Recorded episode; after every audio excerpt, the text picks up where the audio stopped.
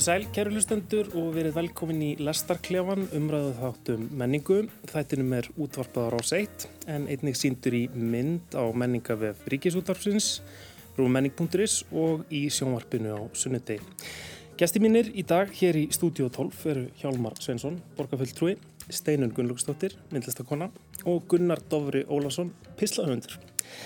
E, verkin sem við ætlum að ræða eru norska sjónvastáttaröðin Exit eða Útrás, kvikmyndin System Sprenger sem er sínd á Þýskum dögum í Bíóparadís og að framlag þjóðverja til Óskarsvæluruna og yfirleitt síning á verkum bandariska hugmyndalistamannsins Sol Levitt sem stendur yfir í Hafnarhúsi listasaps Reykjavíkur.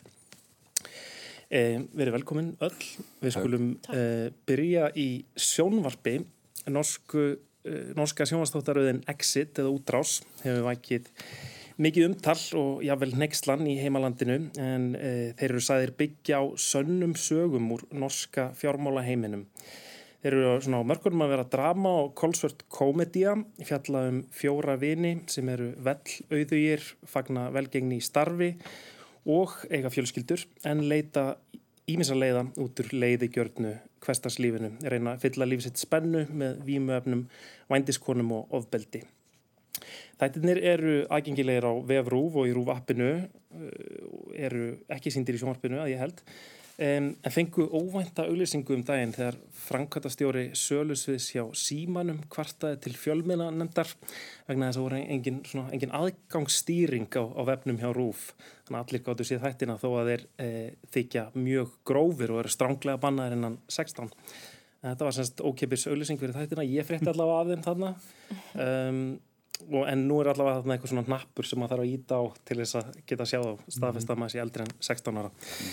Um, ja, við byrjum, kannski bara byrja á þér Gunnar Dóri, þú hefur uh, starfað svona eitthvað í tengslum við viðskiptaheimin, við hefur verið viðskiptablaðamaður og, og, og, og slíkt Já, eini, eini hérna sem við starfaði borgartónu held ég, nema mögulega hjálmar, ég veit það ekki. Þeim enda borgartónsins hérna, Það er sagt að þessi þættir séu byggðir á sönnum sögum úr norska fjármálaheiminum. Hérna, hvernig er svona þín tilfinning fyrir svona sangildi þáttana? Þetta er bara miðugundagur í borgartónu sko. Já, alveg bara, bara eins og það leggur sig. Nei, þetta er sko það næsta sem ég hef komist til að starfa í fjármálageiranum er sem svona starfsmæður á plani hjá slitastjórn landsbankans sem var svona nokkus konar útfarastofa fyrir partíið sem landsbanki var fyrir hrunið. Þannig að þetta og þar var, var tilfinnilegu skortur á kokaini og viðbjóði eins og, eins og þessi þætti verðast svona aðalega byggja á. Mm -hmm. en ég, hérna sko ef ég, ef ég hefði vitað að ég þurfti að, að líða illa í viku það, til að koma í þáttin þá hefði ég sagt nei, ég vil ekki vera með.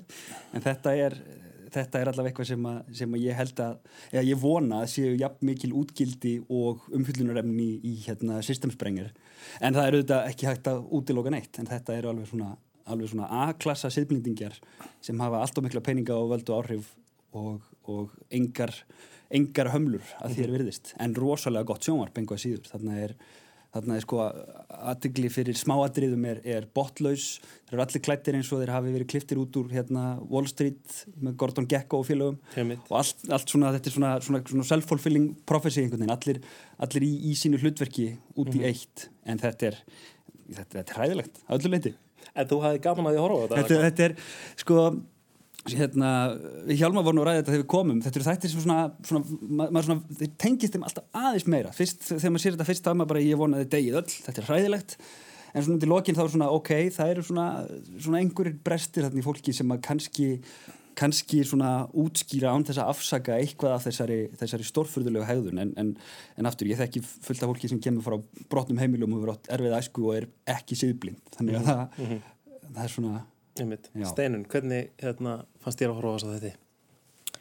Já, mér fannst þér sko kvikmyndarlega séð ekki áhugaverðir. Fannst þér ekki sko veist, það er ekki það sem er áhugavert við þá. Þeir eru bara mjög svona mainstream veist, bara mjög mikið svona sjónvarsþátta Netflix look. En það sem ég fannst sko það var svona eiginlega tvent sem ég fannst sérstaklega áhugavert við þá. Annars vegar mér fannst þetta eiginlega svona sko um, komur að segja bara svona leiðbenninga þáttur fyrir aðstandendur til að komast út úr sko hérna sambandi við siflindikja og narsisista mm -hmm. því raunin er sko svona, svona eiginlega finnst mér aðal sögupersonan er sko kærasta eða kona mm -hmm. uh, einstæra hún er jáfnvel meiri aðal sögupersona heldur en þeir stundum og þetta er rauninni svona á einn hátt maður sjá þetta svona ferðalag hennar uh, í að sko rauninni að gangast við því hvað er í gangi og hérna horfast í auðvitað og komast út úr því komast út úr þessum aðstæðum.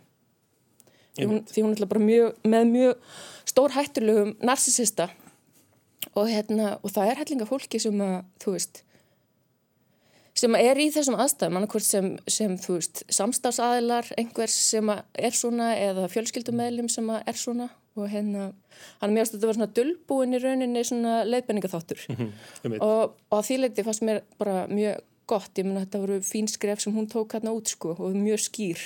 En Svo er hitt sem ég fannst var bara að þetta er svona þetta er um, þessir menn þú veist, er rauninni þú veist, þetta, þetta er sviðsmyndin sem við setjum uppi með núna eftir, þú veist, bankarhunnið og þessi 12 ár sem er liðin að þetta fólk sem stjórnar fjármálaheiminum og stjórnmálaheiminum að það, þú veist, það er óstöðvandi og það var rauninni skilab og þátt, þáttana í lokin. Þau eru óstöðvandi, það er alveg sama hvað þau gera, þau eru ekki að taka afleðingar, engar afleðingar, kom marg oft fram með mitt að þessi menn, þau eru aldrei að taka afleðingar en einu sem þau gera. Mm -hmm. Sama hvort sé að pissa í sundleginu hjá nágrannum sínum eða berja konuna sína eða þú veist, þú veist bara sama hvað það er. Og í þáttunum fannst mér alltaf svona áhugavert að, að hérna, það var ekkert fjallað um sko, samfélagslegar afleðingar þeirra að gjörða, en það þarf heldur ekki. Við veitum alveg hverja þær eru. Veist, við, við sjáum hvernig veist, þeir í gamma komast veist, bara upp með að gera það sem þeir gera, rústa hérna, fátakasta fólkinu á Íslandi og vera síðan bara að kenna upp í, upp í hérna, háskóla, hagfræði og, og hóta bioparadís og mm. Og svo framvegið sko. Þetta er, þetta er svolítið áhugavert sko þarna fær maður, þetta er svona einhvers konar insýn hann í líf sko eina prosentsins, eh, ríkasta eina prosentsins það mér finnst þetta sko minna mig á aðra þætti sem hafa verið svolítið í umræðinni banderska þætti sem heita Succession og, og fjallaðum ríka fjölskyldi í bandaríkjónum á að vera byggt meðal annars á hérna Rupert Murdoch, eiganda Fox News. Og þar er einhvern veginn sko þessi heimur ofur ríka fólksins og það er einhvern veginn sko sjónarhóndin sem maður fær er einmitt ekki að sína manni eh, sko samfélagi fyrir utan, maður er einhvern veginn fyrir þessu fólki er þetta bara þessi heimur einhvern veginn eðlilegur mm -hmm. hvernig, hvernig fannst þér þetta Hjálmar? Já, jú, ég get alveg tekið undir það og líka svona það sem við komum hérna fram og uh, það sem ég fannst hérna Já, fyrstulega sko, eftir ég horfa á fyrsta þáttin þá var ég einlega bara svo reyður að ég, ég, ég, ég ætla ekki að fara að horfa á hérna þættina, þetta var eitthvað svo mikil mannvanska og svo mikil svín eitthvað neginn, en síðan sem sagt eitthvað neginn áður svolítið tökum á mér sem þettir og það sem að er eitt af því sem er svona eitthvað neinn, kannski doldil segull er það að þarna fer eh, sér maður eitthvað sem er svona í einhvern skilningi svona mikil fegur sko, svona fallit fólk óaðfinnanlega klætt. Eh, það býr sumt hvert í opbóðslega flottum móturnískum norrænum viljum með grísastórum glerverkjum og allt öll hönnun eins og hann er flottust. Eða þetta flottustu bíla sem að til eru þýskir hérna, sportbílar og hérna þannig að þetta er fullkominn heimur og þetta er líka sem sagt, það sem við sjáum á hverjum einasta degi að svona lítið fólk út sem hefur meikað í lífinu. Verður allt, því verður allt á gulli og, og það er allt óafinnalegt og það sem ég fannst litið stert í þessu er sko að og það kemur það fram að þau eru rauninni sko þeir fara að líta á þessum guði og þeir eru ekki háðun einu mannasetningum. Þeir, einmitt, þeir komast upp með hvað sem er og þeir vita það og ég sammála því það er svolítið undirstrykað með því að þeir eru í engu hérna, samræmi eða, eða, eða engum, engum tengslum við samfélagi það er eiginlega ekkert samfélag þarna. Og heldur að þeir eru lokaðir inn í þessum uh, glæsilegu húsakinnum og svo þessum hraðskruði bílum.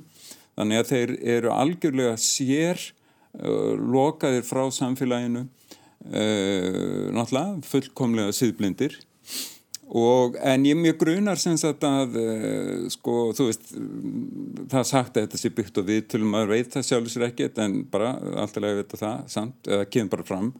En þetta með að fara að líta á sig sem svona guð uh, og það er hérna, uh, en, um, en jáfnframt að vera einhvern veginn svona algjör, algjörlega tómur í sálinni. Þetta er svona einhvern á mótsegna. Mjög grunar þessi ekki endilega bara eitthvað svona fjármálaheimur, heldur fólk sem að við erum alltaf að sjá til fréttum eitthvað fólk sem er opbúslega langt einhverjar popstjörnur sem eru óendanlega ríkar og geta allt en það er einhvern veginn bara uh, hljóta umurlegan döða stundum. Mm -hmm. og hérna þannig að þetta er ekki kannski bara bundið við þessa stjettir sko þó það sé mjög augljóslega mjög svona sterk föt þar. Þannig að þetta er komin á þennan stað að þá hérna þá gruna mig að þetta geta áttu miklu fleiri, eh, fleiri stjettir sko. Mm -hmm. Svo var líka þarna svona innri saga í rauninni inn í þáttunum sem er sem sagt svo að hérna að það er hérna bladamæður sem er virist vera sjálfstæðstarfandi eða eitthvað svo leiðis og mm -hmm. er að taka alltaf viðtal við þessa fjóra félaga. Mm -hmm.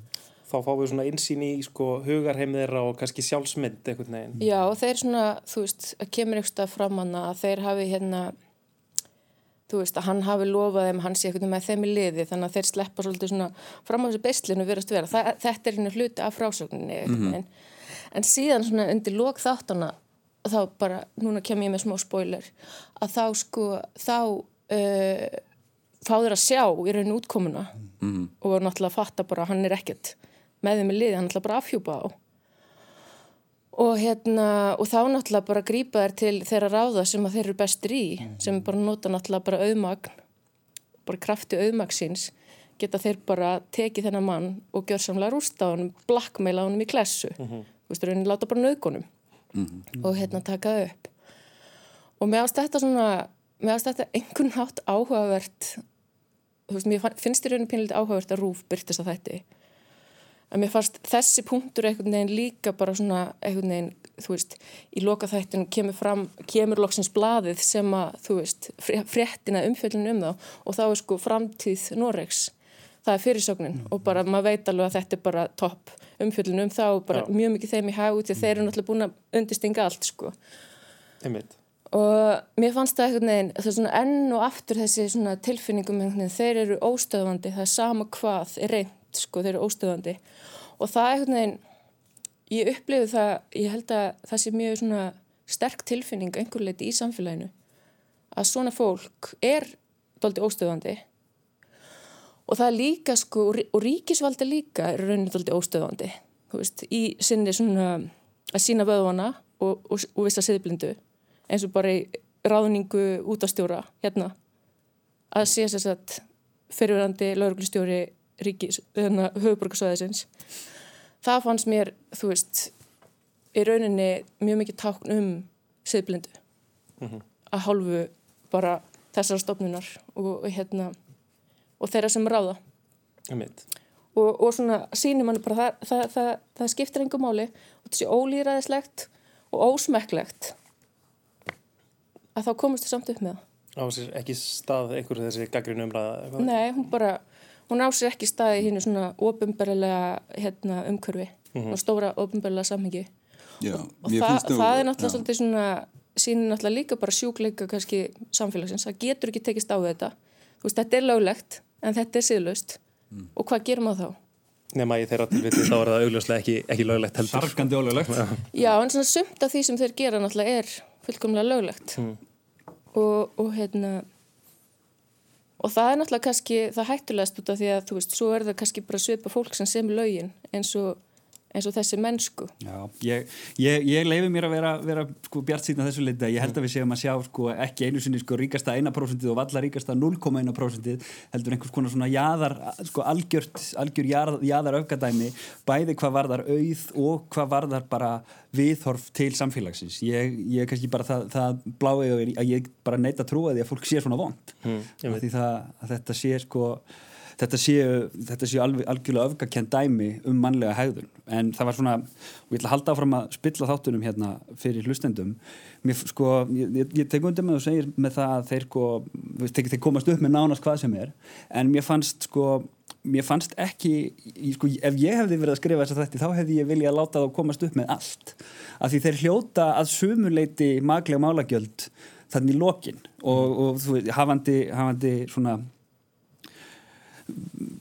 þetta, verandi góð samfélagsrýni og, og, og í anda þess þá svona væri svona skemmtilegra ef þetta hefði bara allt einhvern veginn svona ef við hefðum bara séð svona einn ramma af þúsundur rammum, ekki það að, það að við fórum að horfa á þetta hafi sett í gegn einhverja ganga einhverja atbyrðar ás sem gerði mm. það verkum að, að þarna eitt, eitt sambands blundraðist og andlit á einhverjum, hérna, hann missir andlitið ekki bókstaflega, það er annar sem missir andlitið sem er, sem er hérna svona, svona hinn karakterin sem maður finnur aðeins til með því hann er algjörlega yfirgefin af vinnum sínum þegar, þegar eitthvað fer að, sko, þegar fer að en hefði, þetta hefði mátt í rauninni mátt vera verra mm. undir lokina mínum Já, einmitt. Þetta er sko áhverð, þetta náttúrulega byrjar sko, sko einmitt þegar maður horfður á kannski fyrsta þáttin, fyrstu tvo þættina þá einhver, einhverju leiti upplifum maður þetta sem sko komedíu einhvern veginn sko. Eða svona það, hérna, einhvern svona alveg kolsvarta komedíu en svo verður þetta bara meira og meira drama einhvern veginn sko Já og, og líka það sem er náttúrulega sko svona óvænt að því að út af þessu sletta og hérna hannaða útliti þeirra og alls í kringum þá uh, þá sko hvað er stutt í óbúsleitt óbeldi bara mm. þegar einhver verður og vegið þeirra sem einhver þeirra telur að hafa horta á sig þá er bara við komum til lamin í klessu mm. og það er svona fyrsta sjokki sko við að horfa á þetta og ég tek alveg undir með það sem að Steinu segði á þenni sambundu við konu, konu Adam sko, það er kannski uh, já, einn aðal sögurþráðurinn í myndinu, já, hvernig hún næra heldur með í rauninni já, sem heldur með allan tíman sko, hvernig hún næra að koma sér undan okinu. Og mér stóldi stert þessi þegar hún hitti sálfræðingin það var svolítið vel gert sko, hvernig sálfræðingun var svolítið rólegan hátt leiðir það henni í ljós að maðurinn hennar er psykopat sko. Mm -hmm. og hérna Þannig að það, er, eh, það var ánægilegur þráður, sem að segja. Hún, svona, ég er ekki búin að horfa á síðasta þáttun eins og segja, þannig að það var, eh, það var mjög fínt. En, en þú veist það sem að setur eftir mér, það er, sagt, eh, það er líka bara því að við, okkar samfélagi er svolítið þannig að það er, við erum að sífælt að horfa á fjölmjölum dyrkun á þessum típum, skilru ég veit ekki um sangildi þú veist, sko, þú veist hvort að menn hafi raun og veru, veru svona eða hversum stort prósent sko en, mm.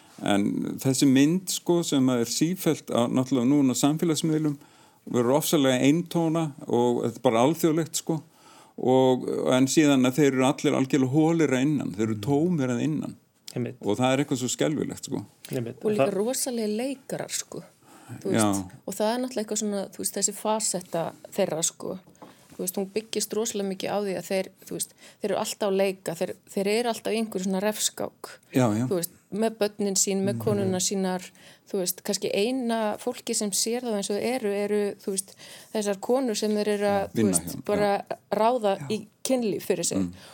Og þar kemur rauninni kannski eini svona samfélagslegi snertiflöturinn fyrir utan hennan bladamann. Mm -hmm.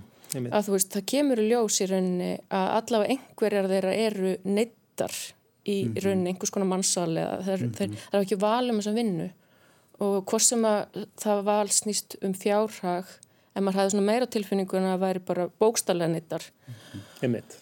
Og, nánast, nánast bara sagt beint út sko. eitt samtal sem var eiginlega gaf þetta kynna já, svo kemur náttúrulega líka smá sko. samfélagslegu vingil með, með konurnar sem er að vinna við barnapössum og þjónustu. Og per, það seti undir vegnum hérna í veislunni og þá skinnja maður skála í aðeins ódýrara viski og reykja jónur. En þá skinnja maður, þú veist, þeir eru á tveimur stöllum sko, eða tveimur hæðum og þá skinnja maður líka náttúrulega svona þessi alþjóðavættu stjætskiptingu sko.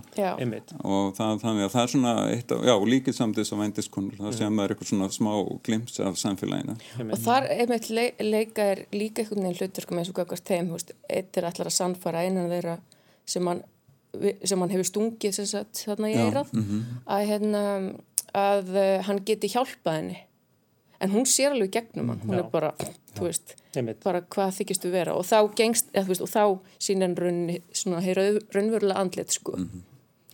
Mér ást það svona frekar, þetta frekar vel gert. Mm -hmm. Hérna, sko, þættirnir náttúrulega eru, já, stránglega bannaðir innan 16, mm -hmm. þetta er, hérna, við þurfum að smetla þarna á einn napp til þess að komast og geta að horta á þetta. Mm -hmm. um, og, og byrja náttúrulega svona svolítið alveg sjokkera mann kannski svolítið inn í þættina Mm. með, með náttúrulega þessu hérna, atriði með vændiskonuna sem að missir eirað og, og, og þannig er ekki bara tippi heldur tippi í fullri reist Já, já. þetta er svona svolítið hérna, skandinavísk hérna, Já, Það er það sem hefur verið að, Raunsæi. við, við að vera að byggja HBO um að gera allan enn tíma og svona, loksins fær maður það í gegn. einmitt. hvernig hérna veist, fannst ykkur þetta svona sjokkerandi að, þýleitinu til þú veist Ég held að setti þetta svolítið tónin en, en, en það er með þess að þætti eins og maður staðna, maður, svona, maður, maður veit að maður er að fara að horfa á eitthvað hræðilegt þegar maður byrjar, þannig að þetta, þetta kemur kannski ekkit, ekkit verulega óvart þannig séð, en það sem það sem ég fannst svona að því, að því er, þeir eru, þeir eru sko, samfélagstengingi þeirra er eins og þið segið, hún er engin.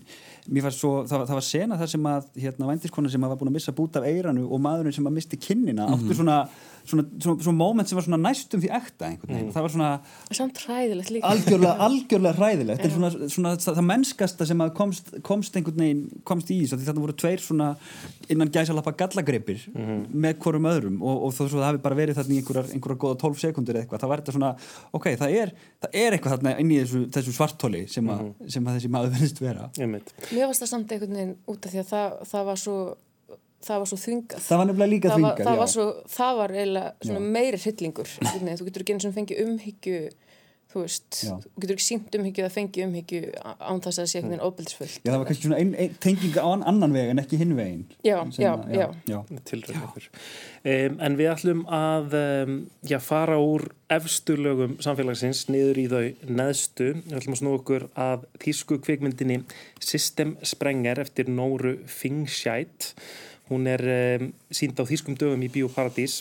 Myndin var framlag Þýskalands til Óskarsvælununa og var einn aðsókna mesta myndin í listrænum kvikmyndahúsum þar í landi e, í fyrra. Myndin fjallar um hérna nýju ára gömlu Benny sem er leikinn snildarlega af Helenu Sengel. Um, hún hefur alveg upp við erfiðar aðstæður, glýmir við ofsa reyðiköst og hegðunar erfiðleika. Um, móðurinnar treysti sér ekki til að sjá um hana, hún flakkar milli heimila fyrir börn í vanda og ímissa neyðar úrræða. En nær aldrei að festa rætur, passar illa inn og er í stöður í uppreist.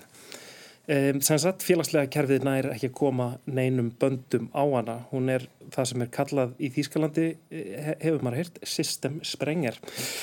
Um, sprengir upp kerfið. Um, og myndin fjallar svo ekki síst um samband Benny við Míka, ungan mann sem vinnur við það að fylgja vandrað unglingum í skólan. Um, ég var eiginlega bara mjög eftir mig eftir þessa mynd, hún tók, tók, tók á. Um, Steinun, hvernig hérna, upplifir þú þessa mynd?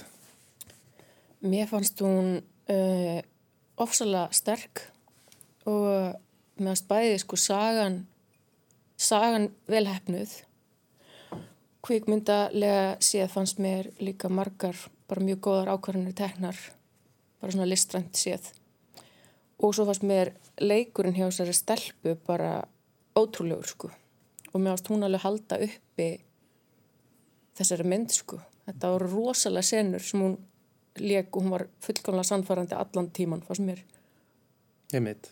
og hérna bara ég eiginlega trúði ekki. Hún, stelpan er held ég 12 ára núna. Hún er 11 ára þegar hún leikur í sér mynd, eða minna. Tíu held ég, 10 ára, jafnvel, já, sko. Já. akkurat. Og bara síndi bara ótrúlan leik. Um, já, mér ást þessi mynd bara í alla staði mjög góð og mjög sannfærandi og þessi reyðikost til dæmis fannst mér mjög svona, mér svona merkilegt hvernig þau komust til skila. Og svona fann veginn tilfinningun hennar og svona kannski bara hið innra stjórnleysi -hmm. sem að hún, hún, veist, hún, þegar, þegar hún reyttist að það var svona, það var svona eins og hún var ómögulegt fyrir hana sjálfa að róa sig neður þú veist, þá bara fór það bara á þú veist, algjörlega bara fullt span. Og við náttúrulega sko sjáum nánast sko fáum að upplifa með henni kvikmyndatakan og, og það verða svona eins og nánast einhverja svona hugssjónir einhverjar sko. Svona hálfgerð raflost, svona sem maður já, virðist og sjá. Já. Og, og Já, svona hérna. tráma, hún náttúrulega, hef, það kemur hann fram að hún hefur upplegað tráma sem unga barn, sem hún er eitthvað skítableið að tróði fram hann í hana Já.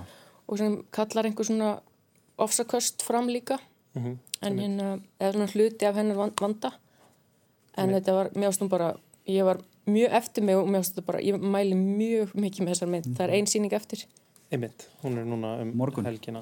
já, einmitt. Nefnum við sem sínd á sunnudegi þá er og líka var svona, þú veist, það var líka veist, hún er, hún er alltaf först inn í þessu kerfi, ein, einhvern nátt hún er bæði först inn í þessum, þessari líðan greinlega þessum vandamálum sem hún glými við er líka först einhvern veginn inn í þessu kerfi. Og inn í þessu kerfi er, er fólk sem að raunverulega vill henni vel í rauninni sko, mann er finnst nánast eins og flestir inn í þessu kerfi eru einhvern veginn óbáslega góðir vera að reyna að gera sitt besta en það er, er einhvern veginn ekki nóg. Þetta, bara, þetta er kannski bara svo ómannulegt, óeðlilegt einhvern veginn að þurfa að hérna velkjast um þarna? Já, mér finnst það einmitt vera styrkur í myndinni að, hérna, að sko, sökinu verður ekki skellt á kerfið og maður fær smá svona hugmynd um það að það sagt bara einu sinni að gert mjög lítið úr, úr því að hún hefði átt sem sagt, upplifið eitthvað hæðilegt í æsku. En öðru leiti er gert eh, mjög lítið úr því og augljóslegar mammenar sem að ræður bara ekki neitt og neitt skilur en það er ekki vegna að hún sé eitthvað hræðileg manneskja, hún bara ræður ekki við situasjónuna.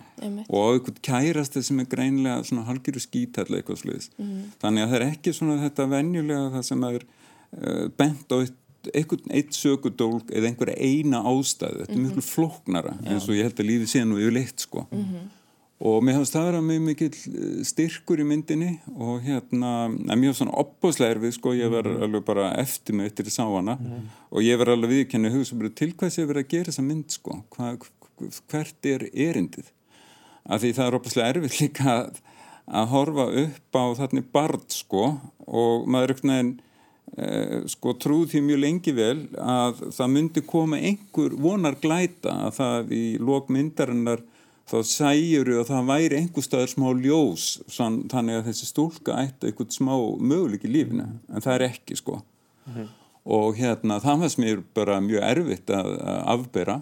Einmitt. og ég tek líka undir hitt að þetta fólk eins og þessi Míkja sem að virkaði mig sem afsælulega svona sympatískur ungur maður sem átti sjálfur einhverjum erfileikum og þessi frá Ban, Banafi hún líka tók þetta mjög nærri sér. Já. allir reynir sitt besta en auðvitað um leið þú veist, í samfélagum það er alltaf eitthvað kerfi sko. Og hún bara passar ekki inn í þetta kerfi. Einmitt. Og hérna þannig að þetta var svona mm, já, mikil, mikil lífsreynsla að sjá þessa mynd og hérna e, bara alltaf svakaleg sko. Já, einmitt. mér var svolítið skemmtilegt sko, þetta er þessi myndu er sett upp svolítið svona það, hún er, hún er stegvaksandi einhvern veginn, það er hérna hún lendir í, í þessi, þessi stúlka, þetta barn er í ákveðnum aðstæðum og þér er alltaf svona það er alltaf svona, svona björgunar ringar alltaf hend í áttina að þér. Þú, svona, þú leifir þér að halda, heyrðu, nei, núna núna reddast það. Og svo er hann kipt tilbaka og svo, svo hérna flýtur aðeins lengra og aðstæðan verða aðeins verri og aftur er, er kastað til þín og, og, hérna, og, og vonin kviknar aftur. Og svo þegar það gerist í svona fjóraða eða fymta skipti alltaf með sko sífælt versnandi afleðingum fyrir hana og fyrir alla í kringum hana þá er maður svona, nei, ég, ég vil ekki einu svona sjá hvar, hvar þessi sko, þessi vonleisis lota endar. Og mér fannst það svona einhvern veginn, það, það, var, það, var alveg rosalega bara eiginlega átakanlegt að horfa á það. Og svona sjá líka hvað, sko, það sem að það, það virtist vera að það eina sem einhvern veginn gætt dreyjana út úr þessu var bara skilriðslaus ást og hlýja og stöðleiki sem að er ekki bóði þú getur einhvern veginn ekki, þú getur ekki ætlast til þess að fólk sem að vinnur hérna 9 til 9 eða 9 til 5 bara taki, fó- taki bara heim til sín eins og, og slökkvið hefur ekki búin að horfa eins og gerist þetta í einu, einu tilvíkinu þá, þá stígur hann yfir línuna sem að er greinlega línan sem virðist þurfa að stíga yfir til þess að takast á við svona mál. Og aftur það er bara enn annað svona vonarkeysið það sem að bara hugsa ógúið hvað gerist núna? Einmitt. Að þú, að þú fáir það svo, svo innilega í andlitið tilbaka ef þú tegir þig í áttina að, að því sem þú þarft að gera til þess að hjálpa henni að þá komir þú út sko, á hræðilega hátt. Og það, það var einmitt þarna í þegar hún er komin inn á heimili sko, og að því að kona Mikja, hún hefur uh, samúð með henni og vill að hún fá að Já. vera nótt hjá þeim uh, þó sé ekki sko, í samræmi við uh, reglur. Já, og, og þess vegna verður það bara eitthvað svo sárt að sjá hvernig það enda Já. sko, af því að bara, hún verður bara hrætt um barnið sitt sko og það er bara svona ósjálfa viðfrá hjá henni, hún verður hrætt sko. og þar kemur þessi stígandi Já, þegar svo sena er einhvern veginn að byrja. Ég, ég var bara komin hálfur undir sætið mitt sko, af, af, af vanlíðan. Af því ég vissi, nei, ég, við erum búin að sjá hana sko, mistri maður barni. Hvað gerist núna? Já, já. Það, hún er náttúrulega sko, við náttúrulega sjáum í rauninni bara, ég veit ekki hvort þessi mánuður eða tveir, einhvern veginn í, í lífin hennar. En maður svona, meða við það sem maður heyrir, að þá er þetta búið að vera svona kannski, síðan hún var, síðan hún var á leyskóla, bara lítið bann. Þannig að maður getur ímyndað sér sko þetta ferðalag í rauninni, hvað þetta búið að vera langt og, og fyrir hana, hvað hún er í rauninni líka orðin kannski skemmt af þessu. Einmitt. Já. Sko, mér langar bara rétt að bæta við sko, varandi hérna þessa sem að starfa þann innan kerfisins og þennan Míka, mér mér varst svo áhugavert þegar hann, hann uh, byður um að, uh, að þurfa ekki, að Já. sjá ekki lengur Já. um þetta mál að því að hann sé sjálfur komið svona bjarg, óra um að verða bjargvættur Já, og þá er þetta farið að hann án alltaf sitt degi líf og, og þetta er bara vinnan hans Já. En, en hann er komin með þessa fantasíu og það er fantasían sem við, við, við vonum Já. að hann Já. taki ætliðana sko. Hollywood hefði gert það þannig. Já, já, en það var svona þa- þarna kom þetta svona, svona kannski þessi þessi þetta vonleysi sem mér hefði exit átt kannski að sína okkur bara, það, það er sama hvað þið gerir, þetta heldur bara áfram svona. En svo var einmitt það er svo skemmtilegt hvernig, og það, það voru svo litli hluti sem gáði til kynna fannst mér að Mikja kom úr þessum aðstæðum sjálf. Mhm, já, það eins og þegar það var verið að sprauta hana niður í fyrsta skipti þá horfði hann á hann og bara, þetta er ég. Já. og það, það er bara já, hann og- og- sama Já, sko. og allt svona allt, allt hans fas í kringum þetta hvað hann er svona hann er, hann er svo harðsvoðinn þú veist, þegar maður, þegar maður sér hann á bílaplaninu þá lítur þetta út eins og einhver handrukkari í, í, í símtali. Já. en svo er þetta bara, bara, bara mjög harður en mjög hlýr maður. En kannski er það þá vonar glætan sem er í þessari mynd í rauninni. Það að við getum speklað, speklað þau tvö og séð að það sé möguleg framtíð fyrir hana þó að það sé verði mjög erfitt og ekki mjög líklegt. Nei, ég Já. var hérna sko bursi frá þessum, þá var hérna ég sá mynd fyrir nokkrum árum síðan Mommy sem var kandisk mynd eftir uh, hérna leikstjóran Xavier Dolan Einmitt. sem fjallar raunin nákvæmlega saman hlut nema þar er barnið 14-15 runglingur og hann enda meiri sér nákvæmlega eins Já. þannig að hérna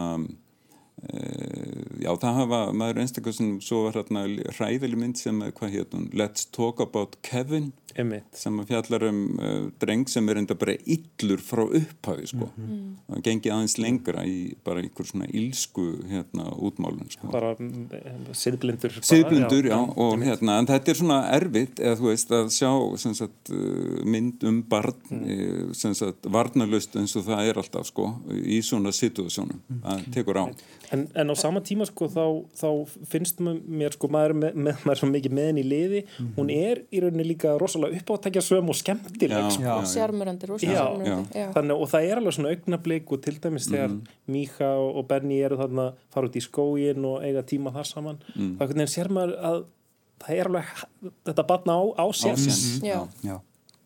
en hún fyrir ekki Já, já, þú veist, en þetta er samt sko, ég held að það sé einhver leiti frekar raunsæ mynd af kannski litlum hluta barna með, Já, jaðar. Já, með, með einhvern svona blandaðan vanda og sem eru, þú veist, komin í þetta steg að vera flækjast inn í kerfinu.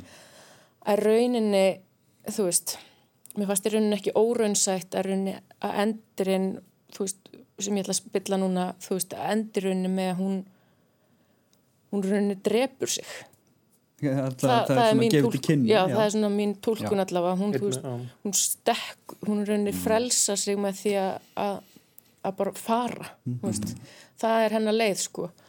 Og einhvern veginn eins svona hræðilega sorglegt eins og allt þetta ferli var og einhvern veginn að þá samt svo skildi maður samt sko léttin sem líka veist, kom fram í þessari lo loka senu bara þú veist, ég bara, ég, ég er bara farin.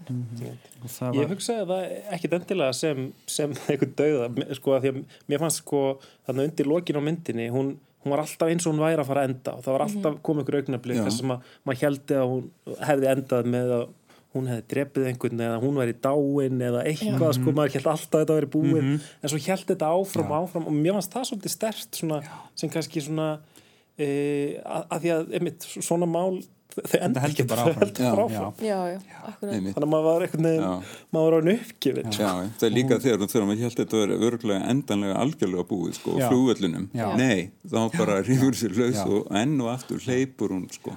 Og það var svona, svona það var svona kannski það eina sem svona pingu fór í taugarnar á mér það var þessi læknir sem vildi senda bara erfi börn til Kenya svona, hva, ég, ég veit ekki hvort þetta sé, sé praxis í Þýskalandi en Þetta er prax, gert praktis í. Þýsklandi, Já, já, já, það er hræðilegt. Og sko ekki, ég veit ekki endilega mikið með Afríku en ég veit til dæmis að það komu svona úlingar já. til Íslands og, og, og meiri sé að var það svo slæmt, þú veist, það voru krakkar sem höfðu lent í einhverjum, þú veist, fíknefna flækjum og eitthvað, eitthvað þannig að þau voru sendt hingað en síðan sko dagaði prógrami uppi Já, og sum þeirra voru bara hérna ennþá. engin eftirfylgju Engin, já, og, og sko heldur ekki sko bara ekki búin að læra tungumálið og þú veist ekki íslenski ríkisborgarar og þú veist og, og ekkert sem að tók við sko. Þannig að þetta er bara svona þetta er svolítið, þetta er greinlega hefur verið gert í Þísklandi sko. Ég veit ekki hversu miklu mæli. Mhm, ég veit. en hún hafði mitt orðað í leikonan hérna, ég horfði á vittal við hana þar sem hún var að kontrasta sig við Benny. Hún sagði bara að það var úrslega erfitt að leika Benny af því Benny er svo orkumikil. Að þegar maður þarf að vera að hlaupa upp stiga sem eru hérna, þú veist, aftur og aftur og aftur þá var hún bara, hún bara búin á því. En að samaskapi sagði hún hvað það hafi verið sko, svona sumuleiti frelsandi að geta leikið eitthvað svona algjört hömluleysi að því það er svona kannski gegnumgangandi í- hjá Benny, hún hefur, hún má engu mótlæti mæta, þá er hún bara, þá bara flippar hún út. Já. það er já, erfitt. En, en þessi stúlka sagði líka að það væri greinlega erfitt að vera leikari þannig að það væri sniðut ef hún myndi eignast hótelkeðju. Svona til öryggis. Ok, já. Hún er raunsæri en Já, ummitt. Um, en sem sagt, þessi, já, fyrstu tvö, fyrir tvö listaverk sem við höfum talað um, þau hafa verið svona, uh, já, mjög uh, föst í samfélaginu og tilfinningum og, og, og, og, og svo leiðis, en, en það síðasta, það er alveg abstrakt. Hérna, nú sem stendur yfir í Hafnarhúsi listasafri Reykjavíkur síning á verkum bandaríska myndlistamannsins Sol Levitt. Sol fættist árið 1928 og lést síðan núna 2007. Hann var á meðal frumkvöðla hugmyndalistar og minimalisma, ekki síst þekktur fyrir veggteikningar sínar, skúltúra, grafík og bókverk. Og verkin á síningunni í Hafnarhúsinu eru unnin sagt, beint á veggi listasapsins en eftir nákvæmri forskrifti listamannsins. Kom hérna sérstakt fimmanna teimi til þess að setja upp verkin og um, var hérna, hafði aðsettur um mánaða skeið og svo með 15 starfsnema með sér bara til þess að mála þessi verk á, á, á veggina. Um, ég svo sem þekki ekki mikið til þekkti ekki mikið til Solevitt uh, áður en, en þetta er frekar stort nafn í myndlistarheiminum, heyrist manni. Steinun, þú, svona, þú, þú kemur úr þeim bransa eh, hérna, Þek- þekkti þú hann áður? En þú fórst þessi síningu bara lítið sko. Ég bara þekkt hann mjög lítið. En hérna já, mér fannst þetta ágætlega áhugaverð sýning. Um, maður þú veist einhvern veginn gaman að sjá þessi hérna verk í rauninni þú veist, raunveruleg. Það var ekki ljósmyndir af þeim eða eitthvað svo leiðis heldur bara svona eru verkin hans og þau eru ekkert endilega gerð af honum. Það er svona hluti af hans svona heimsbyggi eða já, hugsun að það er ekki höndin hans sem skiptir máli heldur veist, hugmyndin sjálf. Og hérna og hún stjórnir ferðinni.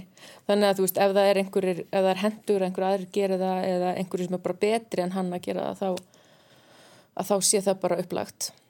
Og það svona legg, leggur kannski vissan grunn líka fyrir, veist, þeirri myndlist sem við þekkjum í dag eða þeim myndlista heimi.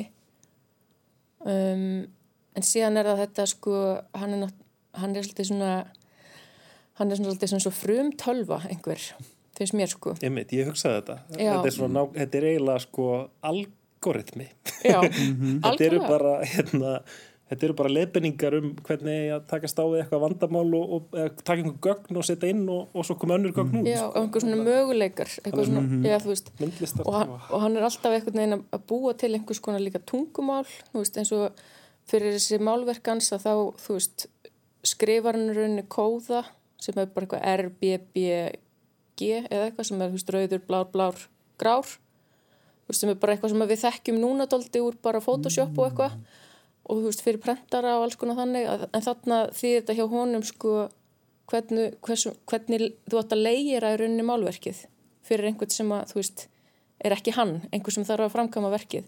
Fyrst átt að mála raukt, svo átt að mála tvær umfyrir bláar og svo eina gráa. Veist, hann, hann er alltaf, hann er svona skapaðurinn, svona, já, svona kerfi sem eru bara mjög, þú veist, þetta lítur, þú veist, þú getur gert þetta núna í tölvum, þú veist, eiginlega flest þessi verk bara á, þú veist, nokkur mínútum. En fyrir hann var þetta rosalega heilalegkvimi, hugsa bara, þú veist, hugsa þetta allt út. Mm -hmm. Og mér það alveg svona heitlandi að sjá, sko á sama tíma er neginn, þessi kannski estetik orðin svona, svona söglu samvikið fyrir mér áhugart að sjá hana en, en hún er bara hann hlaðinari núna þú veist, þú sér þessa fagufræði þú veist, svo miklu víðar og hún hefur allt aðrar skýrskotanir núna heldur en hún hafi þá Mynd Gunnar Dóri, hvernig, hvernig fannst þér að fara á þessu síningu? Eins og fiskur á þurrulandi ég, hérna, þetta er ekki það sem ég átti svona, það sem ég tengdi síst við en ég gerir ráð fyrir að þessi frekar ég heldur á nokkuð tíma sko, listin eða verki, þetta er bara eitthvað sem ég hef litla, litla reynslu af mm. svona verk en, en þið, þið talaðum um algoritm. Mér leið svolítið eins og ég væri að, að lesa svona, svona íkabæklingi gátum. Af því, af því það er svona það, var, það er skrifað inn í, inn í ringi og við línur hérna þú veist tveimur miðgildum frá ring sem endar á hægri vang, vanga og eitthvað svona býtu mhm. hvernig hérna, af hverju, af hverju segir þetta ekki bara einfaldan há mm -hmm. þannig, að, þannig að þetta er og hérna, ég gerir mig grein fyrir þeirri tæknilegu færni sem, að, sem að hefur þurft til að þetta setja þetta upp, það var hérna heil hera fólki í heilangan tíma mm. og það frumkvölastarf sem þetta hefur verið en, en fyrir mér var þetta, þetta var, þetta var svolítið svona sérstöku upplifun, mm -hmm. gæti hafa litast af því að lista sem Reykjavík var fullt af börnum af því það er verkvall þannig að þetta er, þetta er greinlega bara svona svona, go-to staður fyrir Vesturbæja barbúr pappa að fara með börnin sín hérna, þegar þið veit ekki alveg hvað þeir eiga að gera næst. Það er hérna önnur síning í safninu sem hefur Já, Instagram-vekkurinn Já, e, e, hérna verkið hennar Shoplifter sem var í fennu sem er mjög flott nota benni ég, ég tengdi miklu meira við það. Hjálmar Já, hvernig, hvernig var þín upplöfun? Já, mín upplöfun er bara góð því þetta mjög stoltið magna hvernig þessir uh, salir hérna og öll þessi hrá á steinsteipa hefur fengið alveg nýjar vittir og, og hérna dýft og uh, fjölbreytileika uh, þó þessi mínumalismi þannig að mjög bara umbreyting þessara hráu rýma í þessari gamlu skemmu, þetta er aldrei mögnuð mm. og einmitt hvað er við svona gert á einfaldan hátt ég var náttúrulega heppin ég gæti komið af nokkur dugum áður og sá, þenn, sá þess að atvinnu teiknar og nema að vera að vinna þetta. Þetta er ótrúlega nákvæmni. Þetta er allt gert með einhvern svona tuskum til að ná einhverju áferð á. En hérna sko það sem að ég fór hans að veltaði fyrir mér sko okkur þessi tegund af uh, myndlist, mínimalismi okkur verður svona opbáslega sterkur í bandaríkjunum? Það eru hérna fleiri ja, ekki síðu frægir menn eins og Donald Judd og og Dan Flavin og ég veit ekki hvað heita þeir enginnast allar álega sem sagt bara já mínimal sko bara einhverjum flötum og kössum eitthvað svo leið sko og ég hef svo sem ekki svar við því akkur þetta verður svona stert í bandaríkjunum að því að allavega svo mynd sem byrtist að bandaríkjunum allavega tím Trump þá sem er enga tengingu við þessa ofbóðslega þróuðu rationalist sko og mínimal en hérna mér finnst ég sjá líka alveg smá áhrif frá mm. skólanum þíska að því að þeir flúði og kennarnir það til bandaríkjana margir hverjur höfðu mjög mikil áhrif í Chicago held ég aðala mm. það ekki, ekki rosalega vel en það sem ég var að hugsa sko var að uh, mér finnst eins og þetta sé einhver svona uh, arleið 20. aldar þessi list og það er eh, sem að hérna það er hugmyndunum það að listin sé algjörlega sjálfstæð og engum háð hvorki hérna peningaöflum nýja neinum stofnunum og hérna þannig að hún er algjörlega til á eigin fórsöndum og hún á ekki þýða neitt annað en það sem hún er. Þú veist, bláu liturinn á ekki að þýða haf eða sjór þetta er bara blár litur. Mm -hmm. og þarna og þetta verðast svona eh, bandarækjumenn eða svona þessi framhússtefnu listamenn í bandarækjunum hafa gripið mjög sterkum tökum kannski tekið þetta frá Bauhaus og kannski rúsum líka. En svo verður þetta svona svolítið mainstream og er mjög mikið stutt af bandariskum stjórnvöldum í kaldistriðinu. Það eru margar skemmtilegir, hérna, margir skemmtilegi kontrastar í þessari sögu en, mm -hmm. en ég held allavega að þetta sé svona, ég held að þetta sé rétt, veist, þetta, er svona, þetta er liðið í einhverjum skilningi en mér finnst þetta að vera svona arleið frá þessari hugmynd og þessari hugssjón 2000-aldarann um, um það að listin sé algjörlega sjálfstæð og það sé bara á eigin fórsöndu. Ég fór, ég fór að hugsa um þetta aðeins á þessum nótum. Ég mitt, ég mitt. Mm -hmm. E, sko, þessi verk náttúrulega sko, um, eru það er merkilegt, þau eru náttúrulega site specific, þau, þau, þau mótast af rýminu sem þau eru sett inn í mm -hmm. um, en, en eru þetta samt alltaf sama verkið þetta er svona hérna maður, svona, maður fer að velta fyrir sér já, hvaða þessu líka er listaverkið, þú veist, er það eru, eru það bara leiðbenningarnar er það sjálf listaverkið mm -hmm. eða, eða er þetta eins og kannski tónverk sem að öðlast einhvern veruleika þegar það er spilað það er kannski mm. til á nótum en, en hérna. Ég held að hann tali með sér sjálfur svolítið um það að sömnt af þessu hugsan svolítið eins og bara skor sem er held ég nótnaskrift mm -hmm. veist, þetta sé svona veist, hann, hann gefur upplýsingarnar og hljómsveitin spilar eða hann Já, ég held að það sé mjög nærtætt og hann segir einhvers það sko, ég lasa að sko, þessu hugmyndalist hans, hún er þannig að hugmyndin og hún er í rauninu bara eins og vél sem að býr verkið til. Mm -hmm.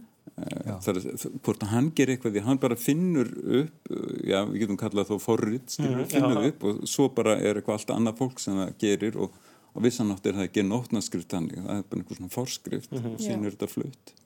Og hann er nú búið að skapa þessa svona eh, hvað ég var að segja eh, síningaframleiðslu vél núna bara ferðast fólkum heiminn og, og hérna vélinn er tilbúin og, og jáfnveil þó að hann hafi dáið 2007 þá bara heldur svo levitt vélinn mm. bara áfram að ferðast um heiminn Já, en um leið sko er þetta hérna sko það er kannski líka verið þessi hugmyndum uh, listina sem eitthvað svona alveg sjálfstætt uh, fyrir bæri sko, mm. hvað sem raunhæft það er, ég er ekki að tala um það heldur þetta er bara svona eitthvað hugssjón að það er náttúrulega líka þetta merkilegt að, að þarna eftir þrjá mánuð verður uh, málað yfir þetta. Já. þannig að það er líka einhver svona hverfuleiki í þessu mm -hmm. búið. Mm -hmm. en svo að þetta er sniðu aðferða þá verður þetta hægt að fara með þetta út um allan heim.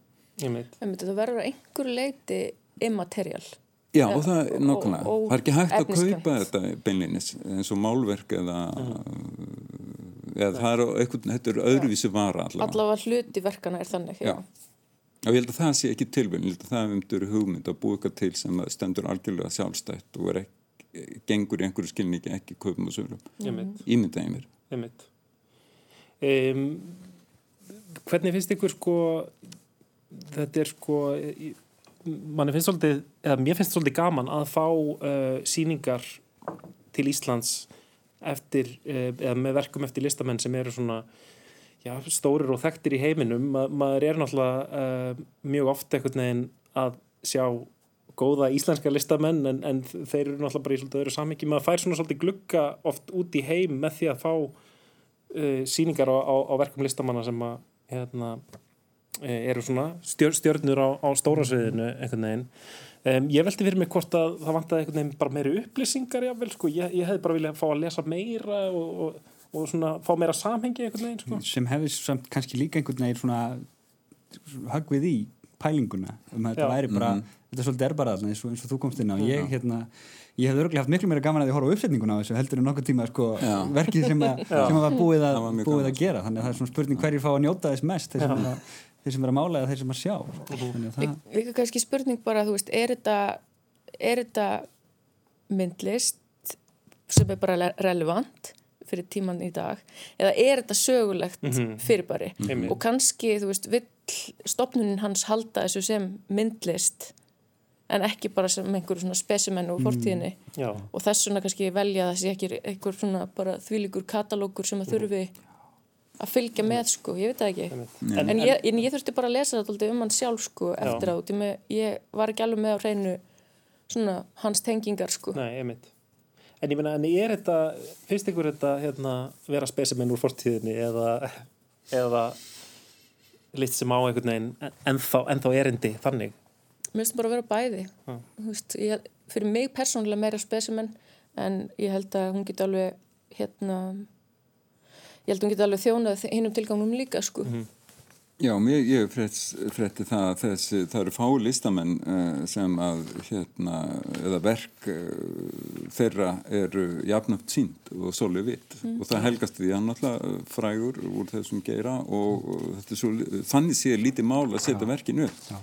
Það er alltaf annað þú þurft að kaupa einhver verk og tryggja þetta fyrir miljónir fluttningaverkonum og eitthvað svona. Það er ekki neitt, sko. Þú getur bara sínt á einum stað í einu Já, sýnt, já, en þannig getur, þannig er bara eitthvað forrið, sko, eins og nótnaskrift, þannig að þú getur sjálfur sér sett þetta upp hvað sem er og færið einhverja fjóra uh, til átta teiknar í mánuð. Það er komið, sko. Þannig að þetta er mjög svona hendugt.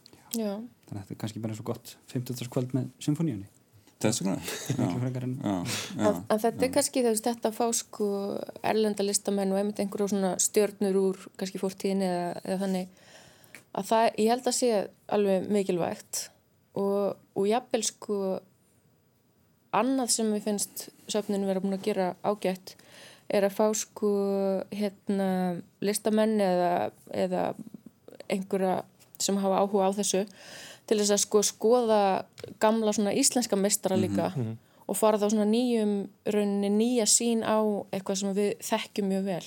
Því sama safni er sko síning hérna Ég verð að stoppa þess einn, við erum búin. Við erum búin? Ég- ég- Ok, ok. Þú mátt ekki klára. Ekki klára. Þú, við verðum að bjóða þér í þáttinn aftur Ok. bara. Hérna, það komið leiðalókum hjá okkur í lestakleganum í dag. Ég þakka gestum mínum Hjálmar Sveinsson, Steinun Gunnlaugsdóttir, Gunnar Dófri Ólafsson. Þátturinn aftur á sama tíma viku liðinni. Þá er Guðrún Sóli gestóttir sem verður hérna með þrjá gesti. Ég þakka fyrir í dag. Verðið sæl.